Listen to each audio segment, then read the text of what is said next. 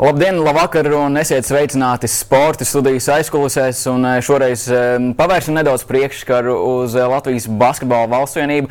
Ir sācies pasaules kausa kvalifikācijas cikls. Šo epizodu mēs ierakstām piekdienā.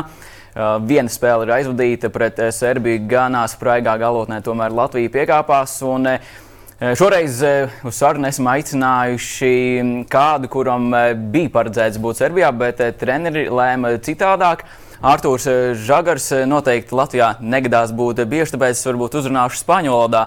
Que tal la temporada en la peña, tío? Está muy bien, estamos bien.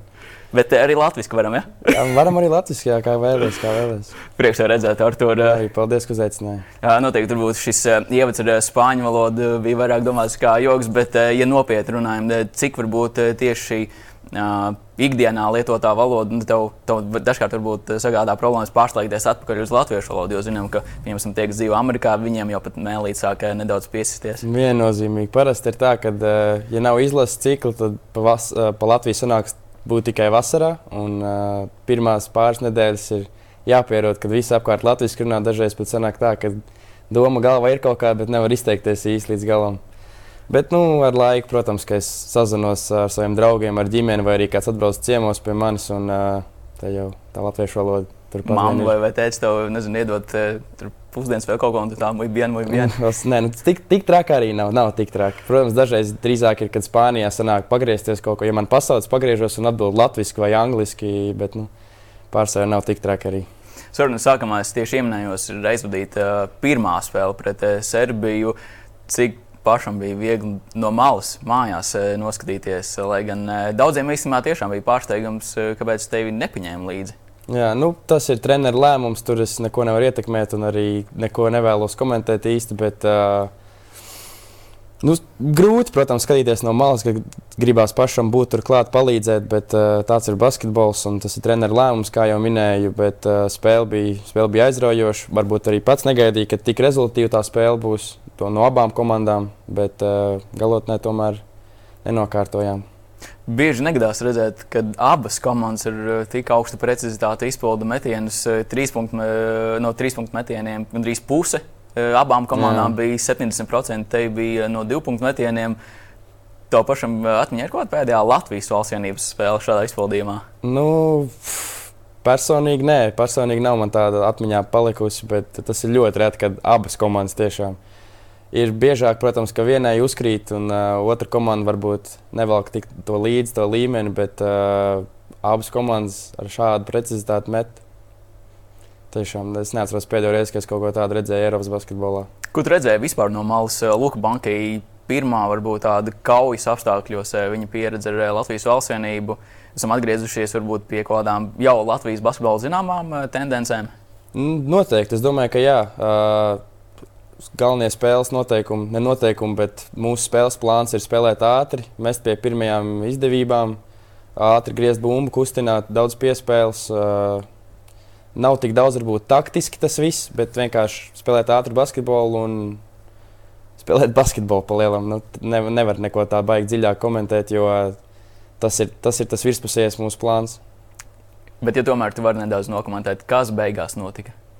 Nu, tā ir galotne. Basketbolā gan jau, ja mēs desmit reizes atkārtotu šo galotni, astoņas izvērstos citādāk. Vai, vai serbiem pa labu, vai mums, bet uh, galotne ir galotne. Un, varbūt tā piezīme, varbūt, varbūt tie sodu metieni. Nu, viss kaut kas var notikt. Tas ir basketbols, tāpēc viņš ir interesants. Un, uh, kā jau minēju, beigās salūzām tomēr tas, ko varbūt sociālajos eh, tīklos cilvēki nepakautrējās minēt, eh, galotni Latvija zaudē ierasti. Cik varbūt tam piekrīt, ka tam ne... kaut kādā DNS Latvijā tas ir, ka galotnē grūti nospēlēt. Nu, varbūt statistika varbūt vairāk ir atmiņās ar šādām eh, galotnēm, bet kāda tev var būt sajūta, ja kāds kaut ko tādu pasaka? Es nezinu, nu, tas, protams, nu, zaudēt spēli tikko cilvēkiem emocijas un viss emocijas pārvalda to cilvēku ķermeni un gribās kaut ko pateikt. Un, tas jau, tas jau normāli ir. Tā vienmēr ir un tā arī vienmēr būs. Un nākamreiz, kad galotnē mēs uzvarēsim, tad atkal būs no cilvēkiem, o, oh, galotni uzvarēt. Un, kā, nu, tas ir tas tāds subjektīvs viedoklis no katra. Ir.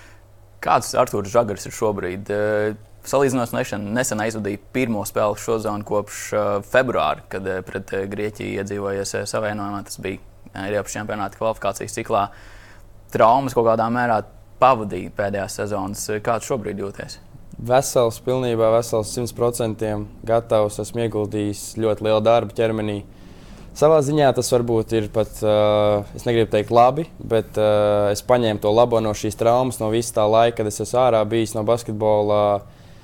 Nav nekad sanācis tādu, tādu darbu ieguldīt tieši ķermenī, fiziskajā ziņā, uh, svaru zālē un uh, tieši uz eksplozivitāti un visu pārējo. Kā, protams, vēl nedaudz pietrūks varbūt spēles ritms, jo, kā jau pats minēja, tikai vienu spēli. Uh, un, bet tā, es jūtos ļoti labi un galvenais, ka vesels. Kā klubs reaģēja uz to, ka nu, tev nācās diezgan salīdzinoši ilgu laiku posmu iziet uh, ārpus uh, rotācijas un kaut kādā mērā varbūt tur tu pazaudēji treneru uzticību? Kā, kā viņi ar tevi komunicēja šajā brīdī? Jo šī Nē, nebija es... arī pirmā atkal, uh, pieredze, kad tev jāiziet rehabilitācijas posms. Jā, nu, es domāju, ka tas noteikti nav iemesls. Uh, trenerim ir savi iemesli, varbūt. Divi citi saspēlētāji, kas mums komandā ir vairāk pieredzējuši, un treneris varbūt uh, negrib uzcēties tik jaunam spēlētājam tik daudz šajā brīdī. Un uh, par cik es tieši biju satraumējies. Sezonu pirms tam, kad COVID, pirms Covid tieši es jau atkal, kā minēju, biju ieskrējies. Man bija aizvadīts trīs pēdējās labas spēles, plus vēl uh, Latvijas, uh, jā, tas bija februārī, man liekas, bija Latvijas tas cikls, kur mēs zaudējām Baltkrieviem arī. Tas bija tas brīdis, kad es sāku ieskrieties, jau treneris vairāk sāka uzticēties, un tad sākās Covid. Tad atkal bija četru mēnešu pauze, un tad mums bija tas turnīrs Valencijā, un tur uh, treneris jau atkal tā mazāk man sāka, jo bija citi saspēlētāji. Un, uh, un, jā, un nākošā sezonā ne, netika daudz pie minūtēm. Un tad uz Latvijas, Latvijas valsts vienību, pārstāvē, pārstāvot Latvijas valsts vienību, satraumējos. Un, uh, esmu turpat uz vietas. Kaut gan tagad, es domāju, ka pēc šīs spēles, ko aizvadīju, es domāju, ka būs lielāka uzticība. Un, protams, negribu negrib, negrib neko prognozēt, jo tas kā jau vienmēr būs treneru lēmums beig beigās. Un, uh, es tikai turpināšu darīt, strādāt uz sevi un, uh, un iet tālāk. Cik varbūt profesionāli Badalona ar tevi strādāja? Vai tas atkal bija uz tevis paša, cik tas, piemēram, Latvijā var mēģināt kaut ko darīt? Tas bija vairāk uh, mans darbs ar uh, ar savu komandu, kas man bija nevis tie, ne, ne tieši Badlona, bet kas man te Latvijā ir. Un, protams, Badlona mēģināja sākumā man palīdzēt daudz rehabilitēties, bet uh, tur nebija pietiekoši, li, pietiekoši labi apstākļi, man, manuprāt, jo aizvien tika aizvadīta sezona. Un, uh, kamēr šī sezona notika, protams, klubs automātiski grib, lai es pēc iespējas ātrāk atgriežos, lai esmu gatavs palīdzēt komandai. Un tas, tas noteikti manā, manā situācijā nebija nenāca par labu, jo man vajadzēja laiku, lai izārstētos. Un tad bija tas viens brīdis, kad es jau biju ļoti tuvu atgrieztos laukumos, bet man uzlika nedaudz pa lielu pārslodzi, un atkal viss vēl nedaudz sliktāk palika. Un tad jau sezona beidzās, atbraucu uz Latviju, aizbraucu uz Madridi pie doktoriem, apskatīties, teica, ka nav nekāda operācija vajadzīga. Kaut gan klubs minēja pirms, pirmīt, kad vajadz, ne, ne, nepieciešama operācija. Ir. Un, jā, un tad es sāku uzsākt treniņu procesu šeit ar Latviju, Latvijas savu uh, treneri, uh, kas Kristavam Porziņam treneris ir uh, Manuels Valdivieso, kas es kopā ar viņiem trenējos un uh, bija sastādīta programma, pēc tās vēl joprojām es eju un uh, šobrīd jūtos labi, esmu gatavs spēlēt un uh, pašam prieks. Kas ir tava komanda? ar ko tu strādā, kas varbūt eh, tavu nometnē, kas paralēli varbūt eh, Jā, es, es domāju, komanda, es domāju tieši man aģents, man, eh, kurš man sarunā tālāk, protams, ar kuriem treneriem es trenējos. Un, kā jau minēja, gan Oskars, kas šobrīd arī Latvijas valsts vienībā ir fiziskās sagatavotības treneris. Ar viņu es darbojos, kā jau minēju, arī ar Kristofru treneri. Un, tā ir tā komanda. Savā ziņā mēs viņu varam nosaukt par porziņu komandu. Jo, jā, jā, noteikti, aģents, aģents, jā, aģents man Jānis. Tieši varbūt, tu par aģentiem pieminējies, pēc U18 tu nomainīji aģentu, tev bija spāņu aģents, un tad tu pilnībā pārgāji pie Jāņa. Īstenībā tā situācija bija tāda, ka man Jānis vienmēr ir bijis aģents jau no pašiem sākumiem. Vienkārši es biju zem tā spāņu aģenta vārda Spānijā, jo viņš varēja daudz lietas varbūt sakārtot labāk tieši valodas dēļ Spānijā. Tāpēc uh, viņš tik un tā skaitījās kā mans otrs aģents. Bet jo... tev bija divi pēc būtības savā ziņā. Jā, nu es pārstāvēju aģentūru, kur ir vairāk aģentu. Mēs zinām, ka šīs aģentu lietas nereti ir ar aizkulisku lietām, un nereti arī aģentiem ir īpaši varbūt spēcīgākos čempionātos viņiem ir pat lielāka teikšana par to, kurš spēlē, kurš nespēlē un varbūt kāda apjoma.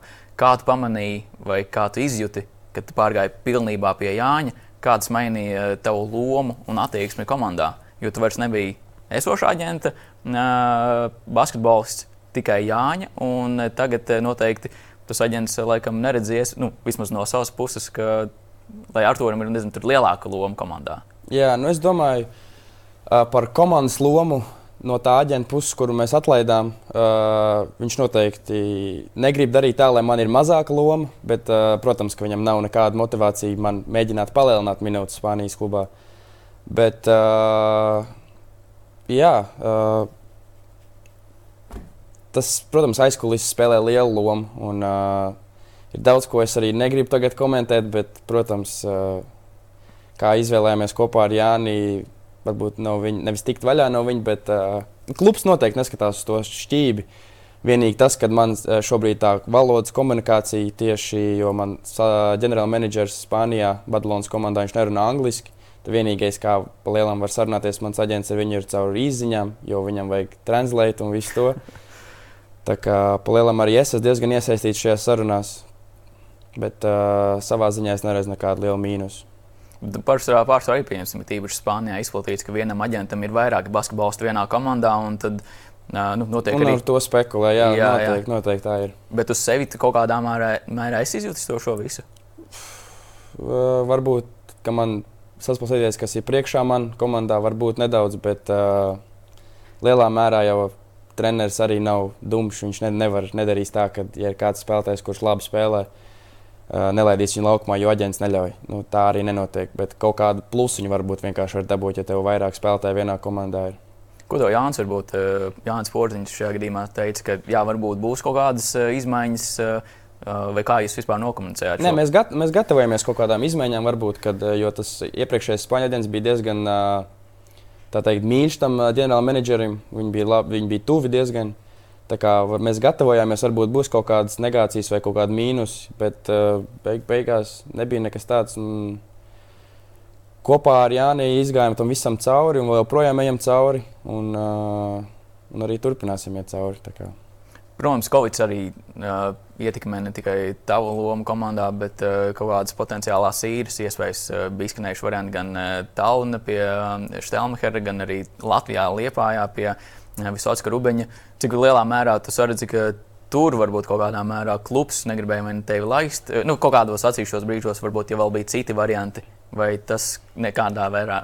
Tas vērā noteikti netikmē? nebija aģentu dēļ. Tas bija vairāk tāpēc, ka man drīz beigsies līgums ar šo komandu, un tas nav izdevīgi viņiem varbūt palaist mani uz pēdējo gadu kaut kur projām. Un, tā, kad es atnāku apkārt, tad mēs jau mums vairs nav līguma saistības. Tāpēc tas ir vairāk tāds drīzāk savstarpējā komunikācija starp mani, Jāni un klubu, nekā tāpēc, ka mēs nomainījām aģentu. Bet bez liepājas tālunis bija arī reāli citi potenciāli varianti, varbūt kaut kur citur? Bija, jā, bija gan Polijā, gan Lietuvā, bija, bet uh, mēs varbūt tik daudz neizskatījām tos citus variantus un nemaz nemeklējām, tāpēc, ka likās diezgan labs variants tajā Dalinas Kolavā pie Štelmahera. Un, uh, nu, izlasē viņš tev varbūt ļoti ierobežots. Pat jā. laiku un lomu deva. jā, nu, tur arī savu situāciju, protams. Un, uh, beigās notraumējos nemaz netiek līdz tam Tallinas kalavam. Un, uh, tā kā, jā. Pēc U18 uh, arī savā ziņā tev nācās uh, arī pasaules kausa šo ciklu uh, iziet ar traumu, un tāpēc arī nevarēja palīdzēt uh, rehabilitācijai.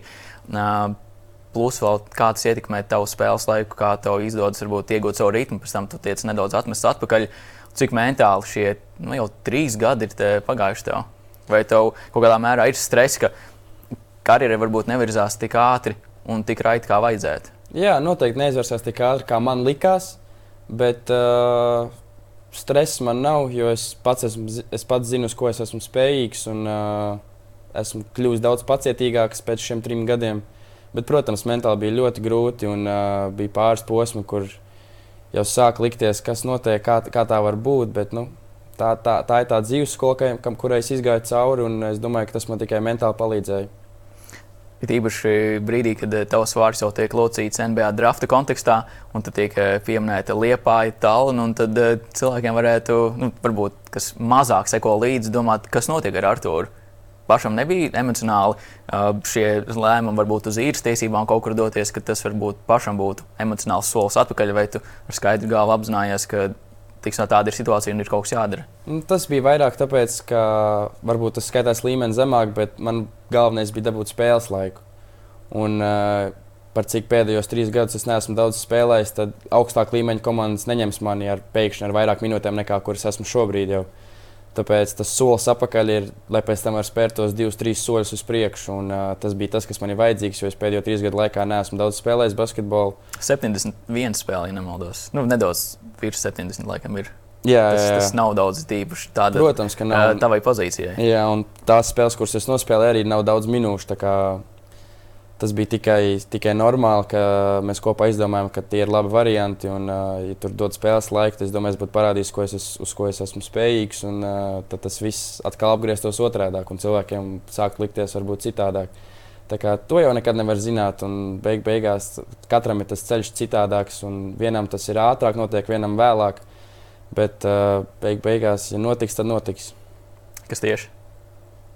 Tas sprādziens uz augšu. Bet iekšā ir pārliecība, ka nu, ir priekšnoteikumi, lai tam būtu. Protams, jā. pārliecība man šī trīs gadu laikā nav pamatusi.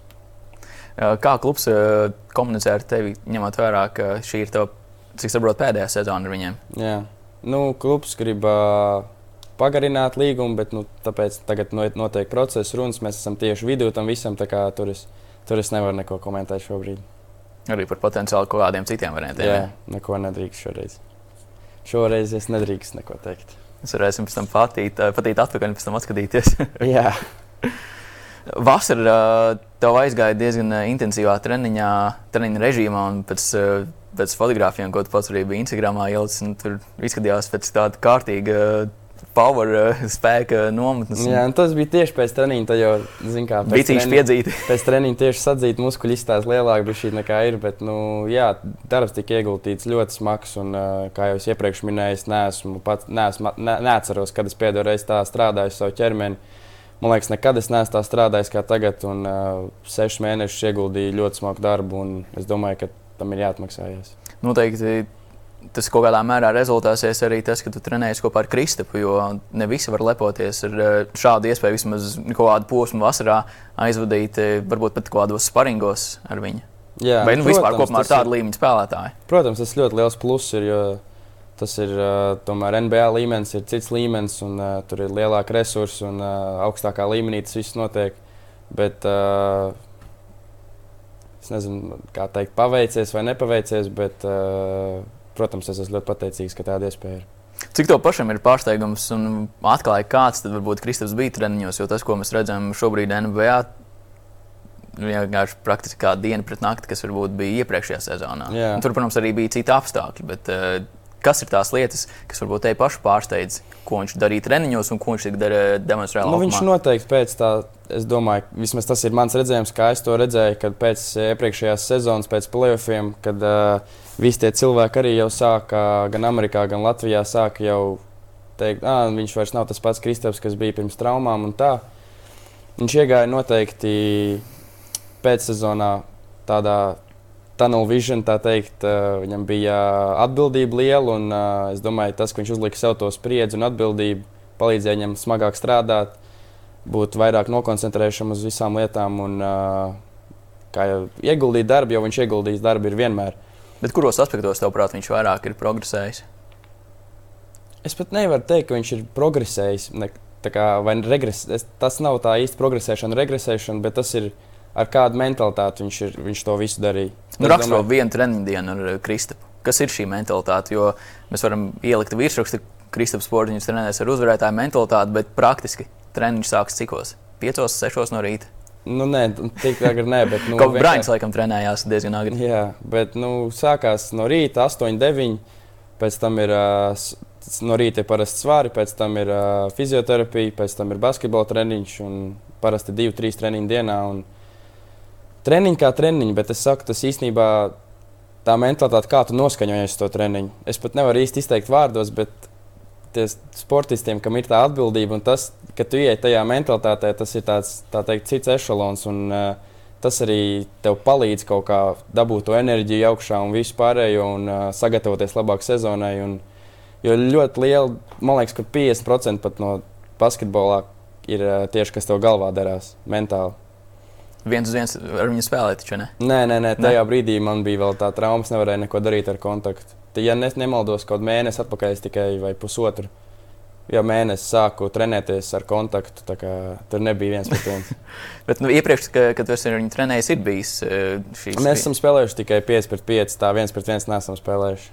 Viņi varētu uh, tikt afodīt. Un... Es nezinu, nezinu, tur jāskatās. Ir. Bet nu, viņam viegli nebūs, domāju.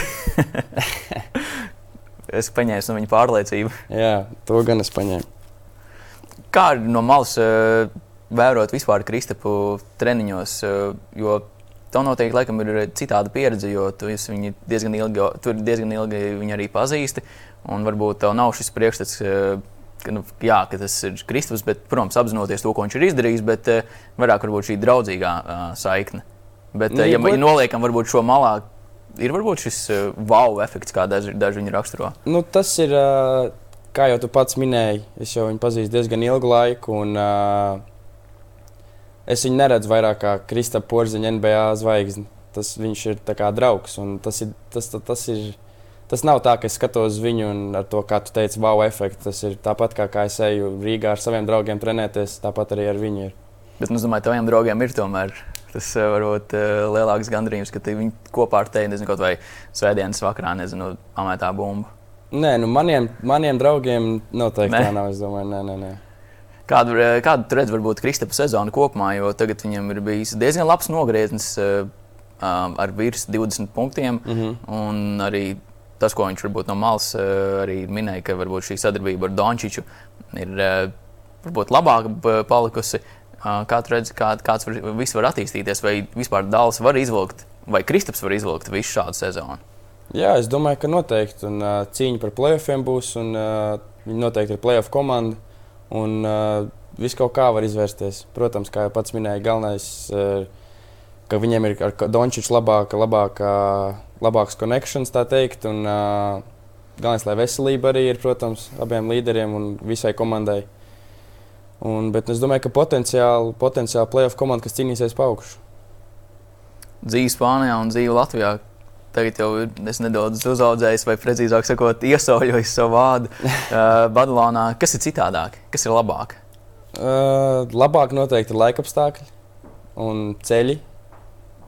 Bet, uh, nu, protams, ir tā, ka sākumā man bija tas wow efekts drīzāk uz to Spāniju, kad man ir trīs minūšu attālumā ir jūra, kalni, palmas. Es tam nebiju. katru dienu gāju. Jā, nu, katru otro noteikti. Bet tagad vairs tā nav. Tas ir, zin, es jau pieredzējis esmu un uh, varbūt pat sāku varbūt nedaudz nenovērtēt to visu, kas man apkārt ir.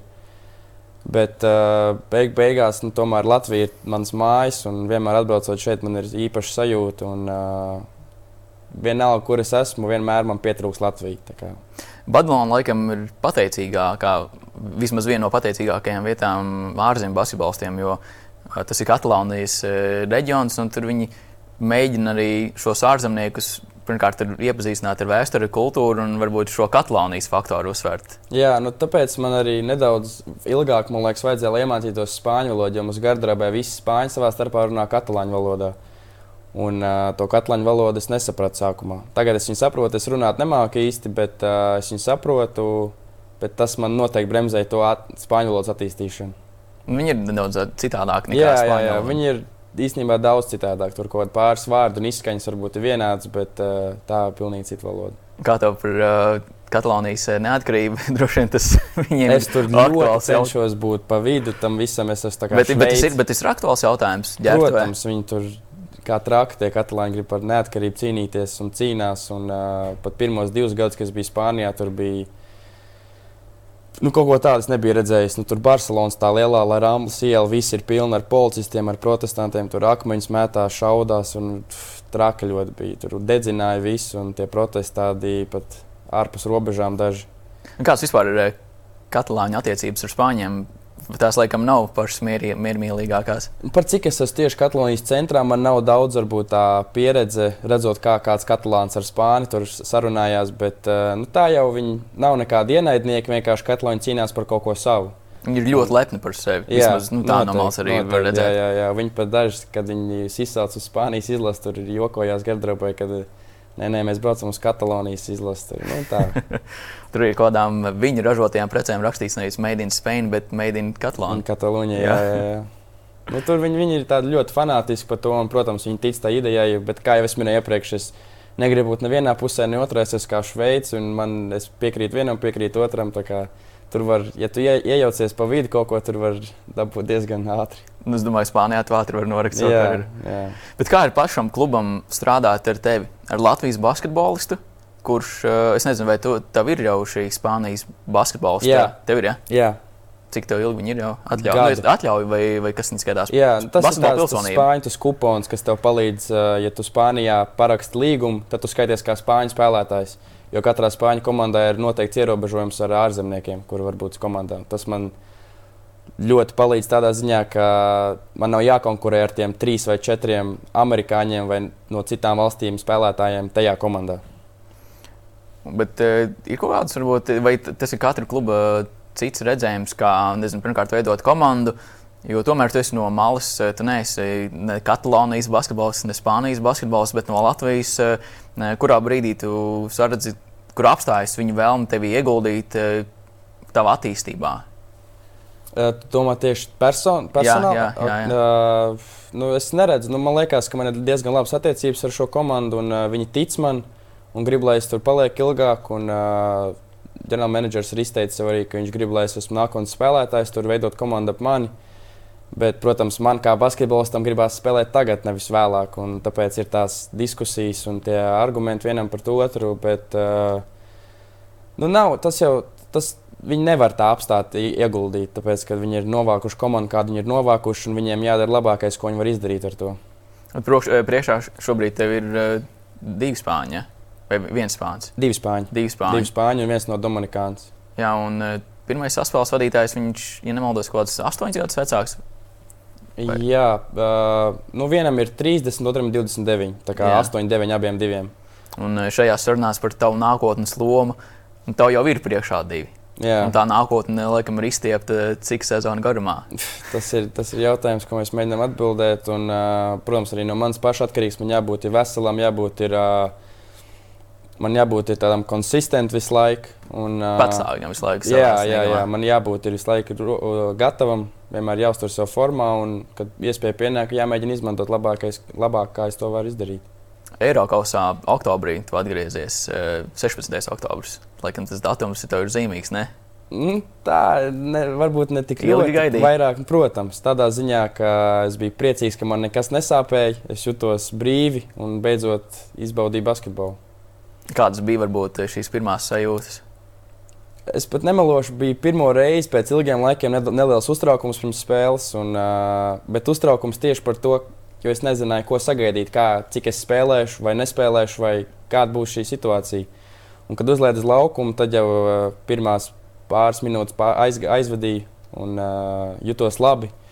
Un tad jau pazuda viss tā manrāža un viss pārējais, un vienkārši spēlēja basketbolu. Un par to pašu spāņu runājot, kurš tev ir priekšā, tu arī teici, ka treniņos tu esi labāks par viņu.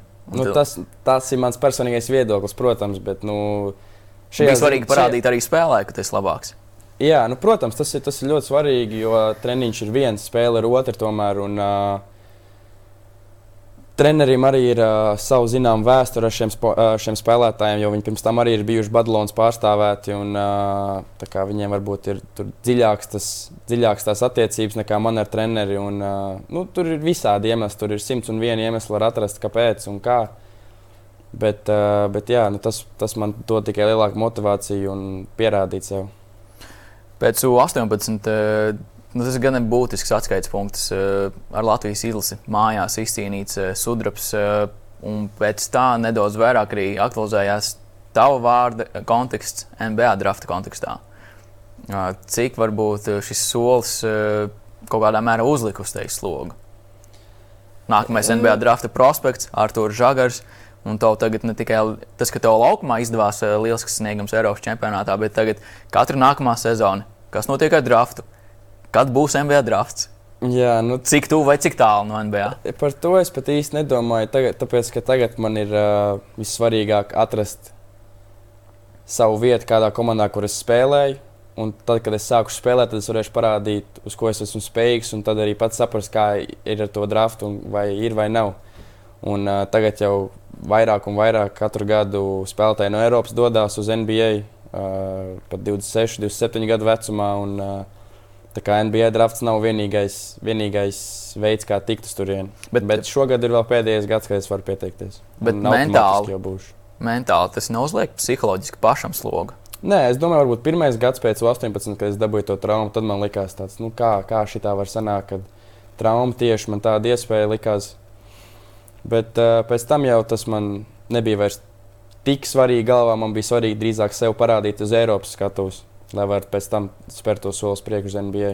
Tagad, skatoties atpakaļ, divi gadi, kad jūs kopā ar savu komandu, Jānis Porziņš, droši vien arī Kristaps kādu padomu deva.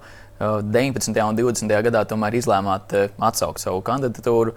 Tagad, nedaudz paskatoties, patinot šo atmiņu kamolu, bija pareizi šie lēmumi? Es domāju, ka noteikti, jo tajā brīdī es vēl biju teikt, nenobriedis īsti. Es nebiju gatavs varbūt veču basketbolam.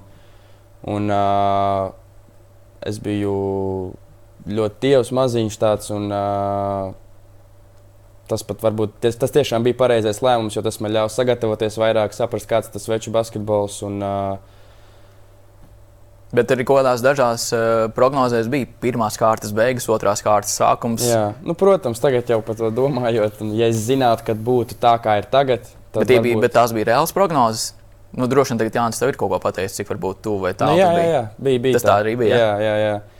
Jo pēc tās potīšu traumas es vēl sezonas otro pusi aizvedīju. Tomēr es atnācu atpakaļ un uh, diezgan kvalitīvi aizvadīju to sezonas otro pusi, un uh, iespēja bija. Bet nu, izvēlējāmies, ka tomēr nedarīt to un uh, gaidīt nākošos gadus. Kā tagad vispār skaties uz NBA draftiem? Vai tagad, pa, ka, ka, kamēr saku, paša vārds nav tur, tikmēr varbūt tam nepievērst? Nē, es tagad vienkārši man vajag spēles laiku, un tiklīdz kā būs spēles laiks, tam būs atpakaļ iespēja pierādīt sevi un uh, varbūt to savu vārdu atkal uz tās, uz tās skatuves uzlikt nedaudz un uh, skatīties, kā, kā, kā tālāk tas viss notiek. Tev ir sajūta, ka tev kaut kas tagad jānoķer, vai tu neuzliec sev kaut kādus šādus? Uh... Nē, nē, nē, nē, vispār nē. E, pats galvenais tiešām man ir spēlēt basketbolu vienkārši, jo trīs gadus es esmu diezgan mocījies ar to. Un, uh, tagad tāds sajūta, ka esmu beidzot esmu atpakaļ un uh, vienkārši gribās spēlēt un pat pašam sev pierādīt, ko es varu izdarīt. Vasarā Latvija diezgan sevi pieteica, nevis pieteica, bet uh, lika par sevi runāt uh, basketbola kontekstā 3 pret 3.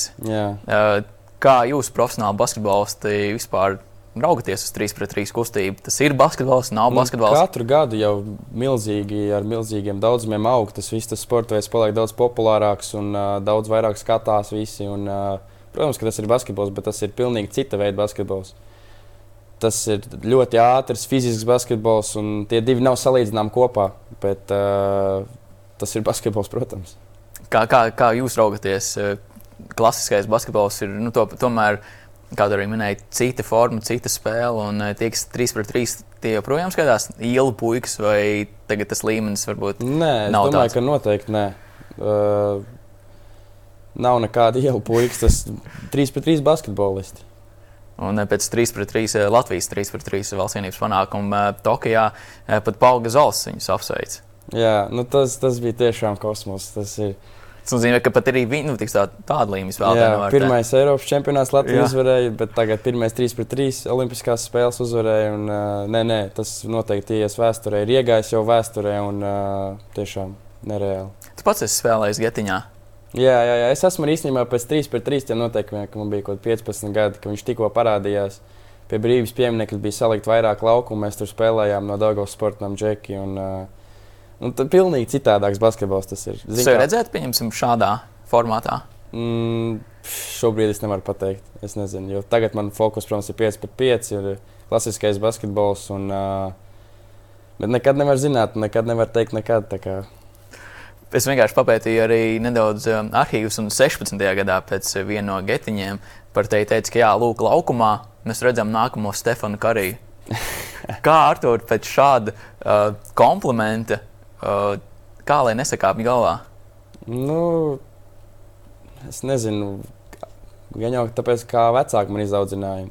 Protams, savai zvaigžņu slimībai kaut kādai izgāja cauri, tas bija pirms 18, vēl, un, kas man var teikt, sliktā veidā tomēr iemācīja piezemēties nedaudz. Bet, uh, Patīk, varbūt kas tur bija? Nu, kas, kas tur nāca ārā? Neiedziļināsimies, neiedziļināsimies, bet tagad, kad es pats atskatos, liekas, ka jā, jā, viņš bija tāds sadomājies. Šī, bet, nu, tas tāds pārējošs, es domāju. Tu pats tiki galā, vai tev kāds palīdzēja? Nē, es, es domāju, ka es pats tiku galā, jā, un, protams, man tuvākie draugi, kas bija apkārt, man palīdzēja daudz. Kāds varbūt, kāds varbūt būtu tavs uh, ieteikums jaunajiem, ne tikai basketbolistiem, bet vispār sportistiem, kā lai nesakāpj galvā? Jo tevis pieminētais uh, zvaigžņu stāvoklis vai zvaigžņu varbūt slavas brīdis kaut kādā mērā. Nu, tu elites līmenim, es domāju, daudz iziet uh, viņam cauri. Jā, nu, man liekas, ka padomus var dot daudz un dikti, bet beig beigās tu tam līdz galam netici tam padomam, kamēr tu pastam neej cauri. Tāpēc es domāju, ka vienkārši, ja tu pastam neej cauri, tad ļoti svarīgi ir, lai tev apkārt ir pareizie cilvēki, kuri ir pietiekami kur nekautrējās no tevis un tev sejā arī pateiks, kā viņiem liekas, kas, kas notiek, kāpēc tā izmainies, vai es palicu nedaudz citādāks. Vai, nu, kā, kā kuram tā situācija ir, bet galvenais, lai pareizi cilvēki apkārt ir un ģimene.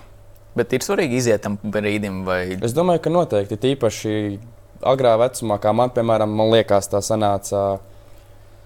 Tad noteikti jau beigās tas tev nosver, tas tev liek fokusēties uz pareizajām lietām, un uh, tu varbūt nesko tik daudz līdzi, vairs ko citi par tevi saka, vai kas notiek. Un, uh, un tas tev var īstenībā arī tajā brīdī, kad man, tā, kad man bija svarīgi, ko citi par mani saka, tad tas man ietekmē, kā arī, kāda ir mana performance uz laukuma. Cilvēku nav labi, man liekas, oh, ok, ok. Ja cilvēki sāk kaut ko sliktu teikt, liekas, bācis, tiešām tā ir. Nu, saprotu, apmēram tas. Yeah. tas Tas ir atkal tāds mentālais, atšķirībā, cik tu mentāli spēcīgs esi. Un, protams, cilvēki, kas nekad neizies viņai cauri, jo viņi mentāli pietiekami spēcīgi un nosvērti. Bet, uh... Man omīte vienmēr teica, ka cilvēki, kas saka, ka tu esi labs, un tie cilvēki, kuriem saka, ka tu esi slikts, nu, patiesībā tu neesi nemaz tik labs, kā tevi, par tevi izsakās, un tu neesi nemaz tik slikts, kā par tevi izsakās. Nu, tas, tā kā patiesība ir pa vidu kaut kur. Nu, man bija kaut kāds 16 gadi, es domāju, tīpaši bērniem tajā vecumā tas ir svarīgi. Tomēr, jo tu spēlē basketbolu un tev gribās zināt, kā, kā citiem liekas, kā tu spēlē un viss pārējais. Bet pēc tam, jau, kad tu paliec vecāks, tas paliek daudz maz svarīgāk, manuprāt. Kas varbūt vēl bez šīs atziņas, ko tu esi pieņēmis sevi, iemācījies šogad laikā, tīpaši nu, savā ziņā nevieglākajā posmā, uh, kad tu atradies trauma pēc īpaši veiksmīgā U-18, kad tev šķietami nu, tikai jāspēr durvis vaļā uz Eiropas pasaules skatuves. Uh, šī viena varbūt zvaigžņu slimības, ne zvaigžņu slimības, bet eh, šis, lai nesakāp galvā, kas varbūt ir vēl dažas lietas, kas tev ir šogad laikā, šogad laikā kā atziņas noformulējušās?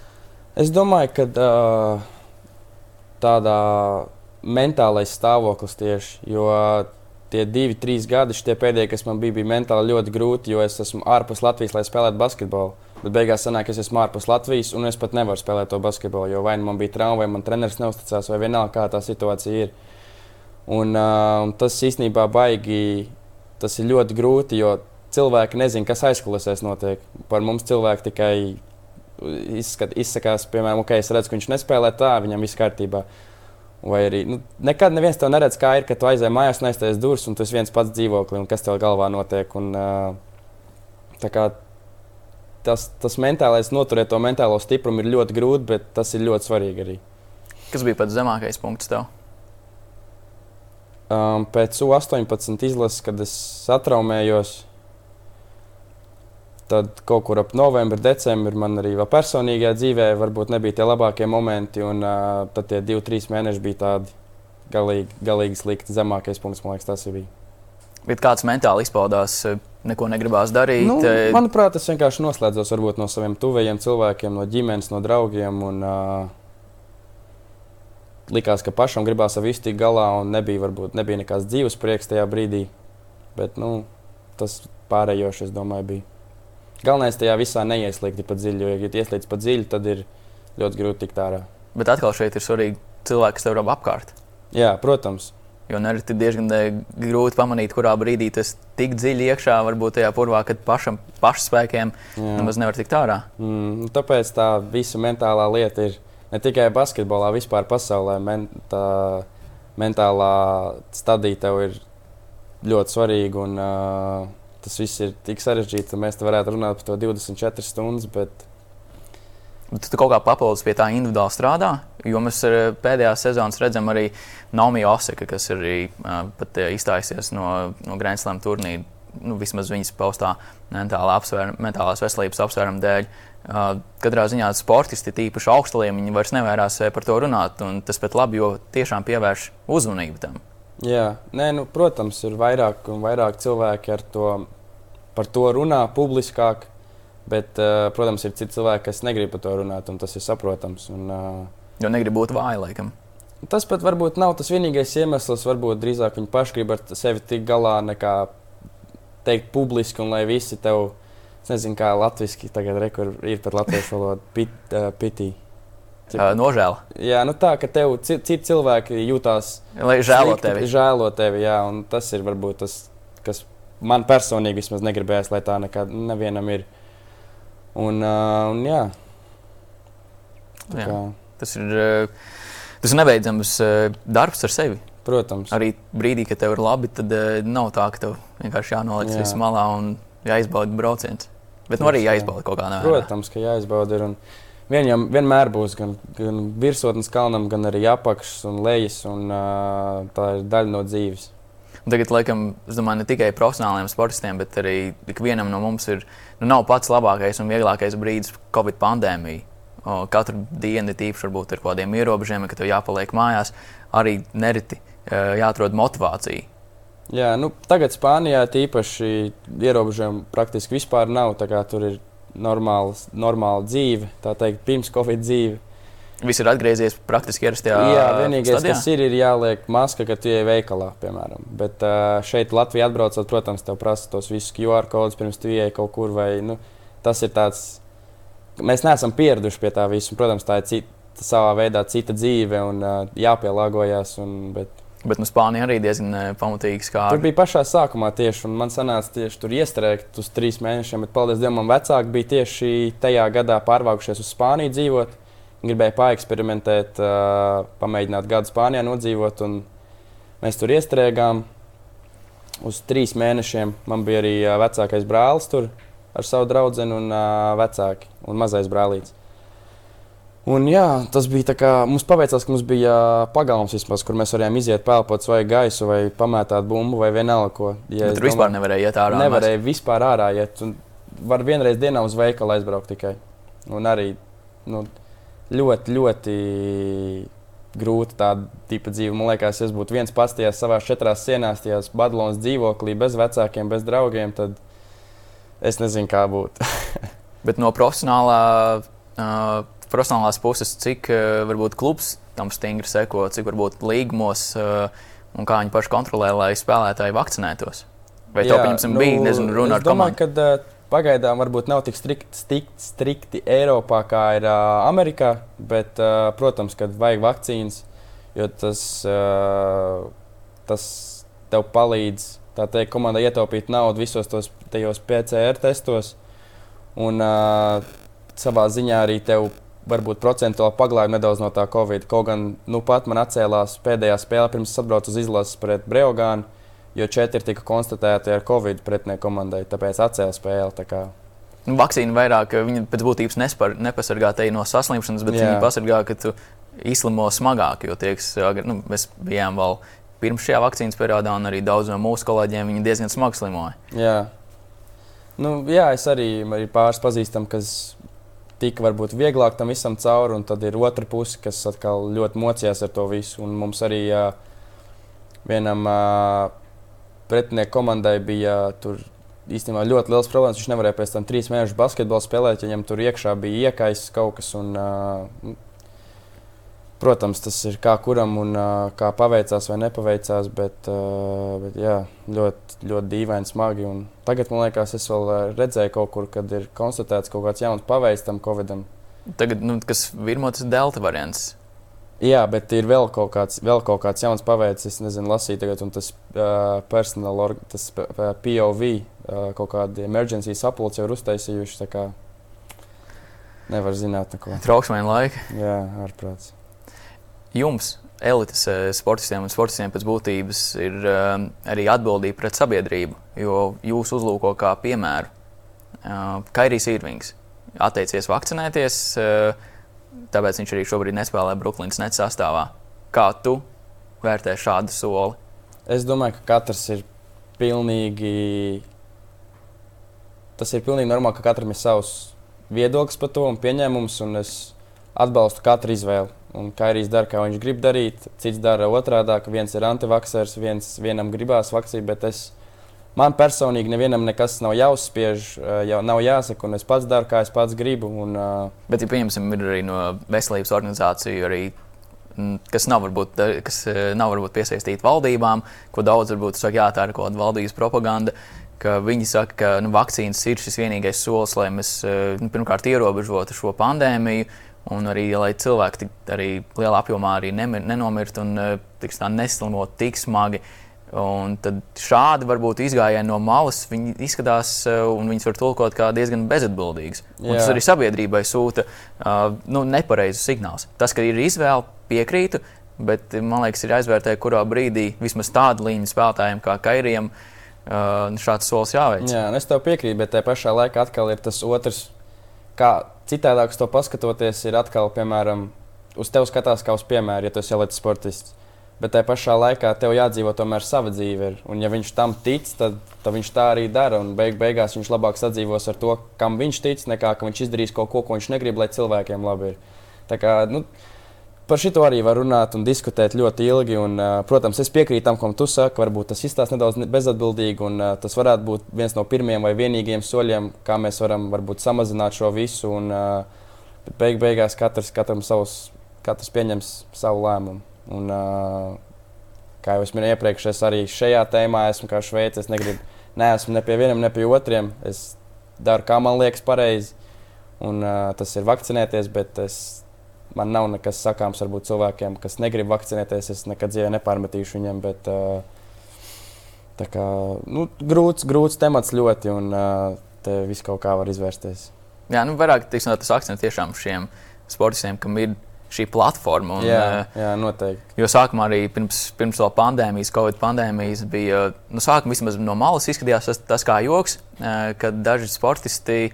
Augsta līmeņa sportisti teica, ka viņi netic, ka, ka Zeme ir sfēriska, ka Zeme ir loda, jā, jā, jā. Ka, ka ir plaka. Tas arī viens no tiem bija, ka viņiem likās, ka Zeme ir plakana. Un no sākuma izklausās kā joks, pasmējamies, bet kad viņi sāk vēl pat mēģināt eh, pamatot un propagandēt, tā visā iet, jā.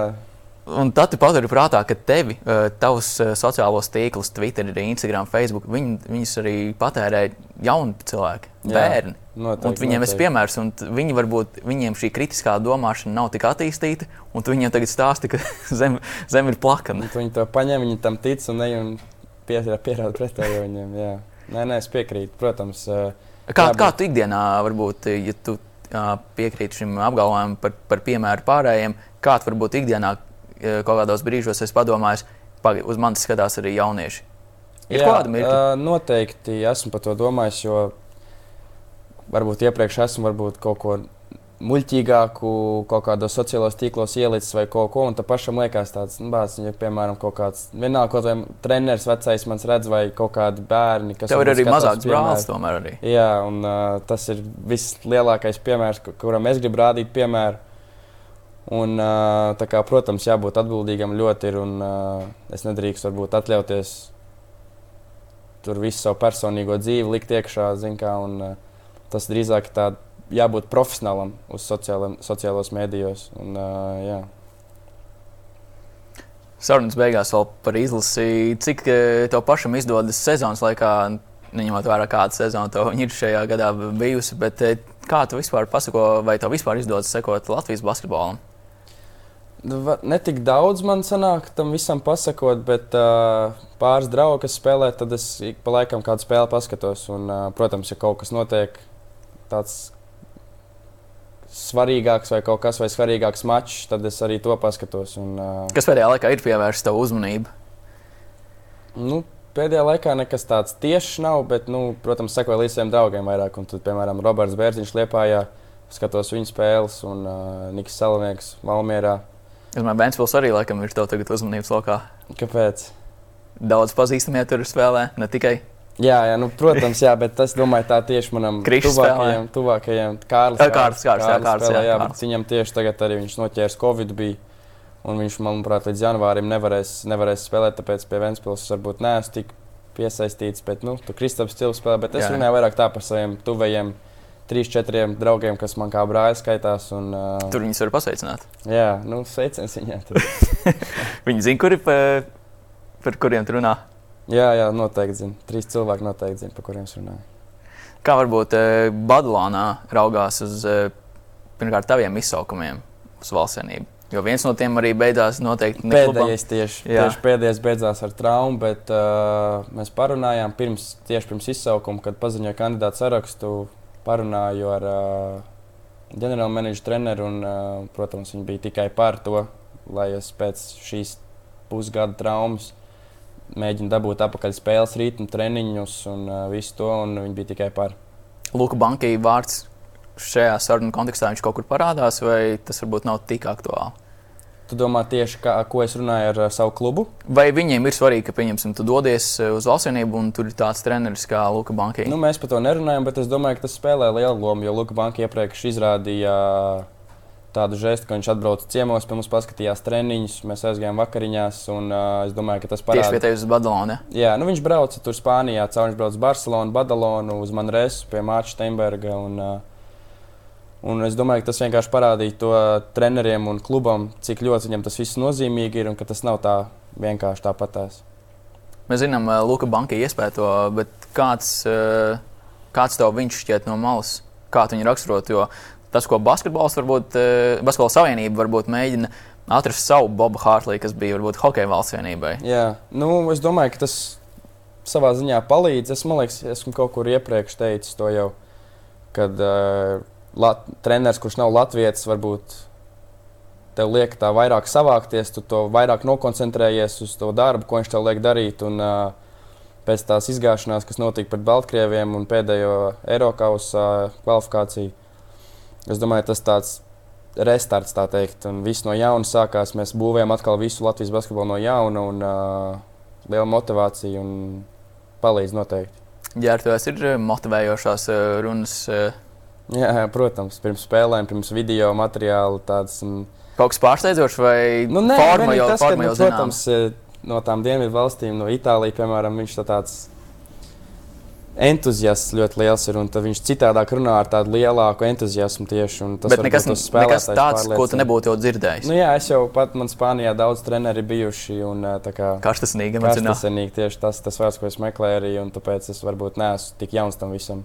Jo tas, ko hokejs ir norādījuši, tostarp tie, tie hokeji, kam ir NHL pieredze, ka Bobs Hārtlīs, lai arī teica pašsaprotamas, zināmas, dzirdēt, dzirdētas lietas, bet veids, kā viņš pateica, ka pat dažus pieredzējušus uh, vīrus atstāja ne, uz pauzes, un uh, kad pat viņiem bija varbūt kaut kāda zosāda un pirms perioda iz, iziešanas uz laukuma, tas viņus vēl vairāk motivēja. Pēc tam viņi domā, nu neko tādu viņš nepateica, bet veids, kā viņš pateica. Un tas ir tas, tas, tas svarīgākais, ir? jo beigu beigās jau ir tā, ka uh, ir tikai kaut kāds noteikts lietu skaits, ko mēs basketbolā visu laiku pārunājam. Protams, tas ir ļoti svarīgi, kā tu to pasaki, kādā paveidā, kādus pareizos vārdus tu atrod, lai pateiktu to vienkāršo lietu, ko it kā visi apzinās. Un Luka Banki, protams, viņš ir viens no tiem treneriem, kurš, kurš spēj pateikt ar tādu entuziasmu un pārliecināt spēlētājus, kā darīt, kāds spēles plāns. Un, uh, Spēlētāji uzklausa viņu. protams. Nu, Nevis uzklausa, bet tavuprāt, tas, ko viņš pasaka, viņi var nopārdot spēlētājiem, ja Jā, viņš žargonā es domāju, ka jā. Nē, nē, es domāju, ka noteikti. Es domāju, ka noteikti. Nav tā, ka, kā, ko tas itālis mums Nē, mēģina nē, pateikt. nē, tā nav. tā nav. Tā nav. Protams, spēlētāji klausa viņu un, pā, un spēlētāji pārliecināti par to un tic trenerim un treneris tic mums. Un, uh, es domāju, ka jābūt, jābūt visam labi. Pirmā spēle pret eh, Serbiju - sāpīgs zaudējums pašā, pašā spēles eh, izskaņā. Un ņemot vērā, ka arī uz nākamo posmu nu, nāks līdzi arī šie punkti un šīs spēles. eh, Tavuprāt, cik varbūt lielu robu Latvijas iespējām kvalificēties pasaules kausam šī spēle ir atstājusi? Nu, mājās Serbija jāuzvar pa divi ir vienkārši. Un, uh, protams, tas nav vienkārši, bet tā ideja ir vienkārša. Un, uh, vairāk tur neko mēs nevaram izdarīt. Es domāju, ka tas viss ir jāizmirst un vienkārši jāiet uz nākošo spēli pret Slovākiju. Tu būsi laukumā? Tad jau redzēsim, nezinu. Jau. Arī šo podkāstu mēs arī klausīsimies gan eh, vēlāk, bet eh, tāpēc ceru, ka redzēsim tevi arī uh, Slovākijas spēlē. Un, uh, paldies, ka atvēlēji laiku, Artur. Tiešām prieks te redzēt. Tiešām, Svarīgākais, lai šobrīd šajā posmā izdodas atgūt šo, šo garšu, šo ritmu un bez liekiem varbūt kādiem pārsteigumiem, kas, kas ir veselības kontekstā. Jā, jā paldies, tev, paldies. Ko vēl tev var novēlēt? Nu, nezinu, tu jau novēlēji visu, kā, ko var. Bet, uh, lai... Starp citu, aizmirst. Tagad no. Nu. Instagramā tas ir iet, ietegots, ja mēs lietojam šo terminu, kā viens no stilīgākajiem Latvijas sportistiem. Kur tu piestrādā pie sava stila? Nu, nē, protams, ka man tas svarīgi ir pašam gribās labi saģērbties vai Tas jau tas tāds - kādas ir tavas rudens tendences šobrīd? Tīpaši Latvijā, kad ir varbūt nedaudz spēlēts. Latvijā tagad jau mums dod Latvijas, kā jau redzat, Latvijas uh, apģērbu. Un... Kāds būtu tavs ieteikums, varbūt, vai tava, tava izvēle, ja tev nav jāvalk sportiskais apģērbs? Kas ir tava palete, ko tu atnāc nezinu, pie, gar, pie skāpja? Tad jā, šodien. Uh... Nu, šī jau kāda laika apstākļa, tu teici rudenī, jā, piemēram. Jā, nu šobrīd. Nu, ja es eju uz treniņu, tad treniņu biks, kaut kāds bots, protams, pēc Bet, ja netreniņš, ja izēja vienkārši ar vakariņām kaut kādām jā, vai jā.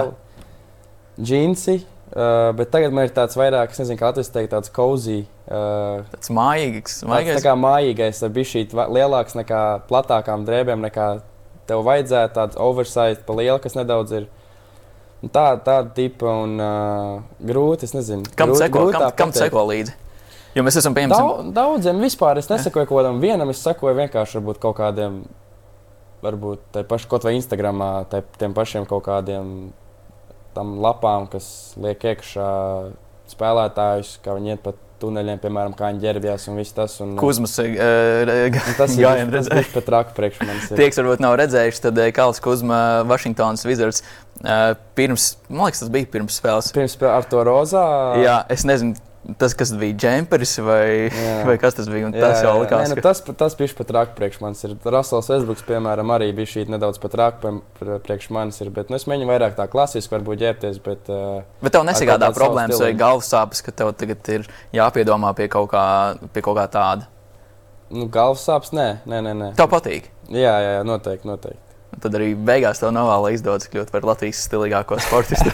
paldies, tev, paldies, Artur. Paldies. Uh, sporta studijas uh, aizkulises uh, līdz ar šo epizodi šajā brīdī ir uh, beigušās, bet uh, sekojiet mums līdzi gan uh, YouTube, gan arī citās uh, podkāstu platformās, Apple podkāstā, Spotify.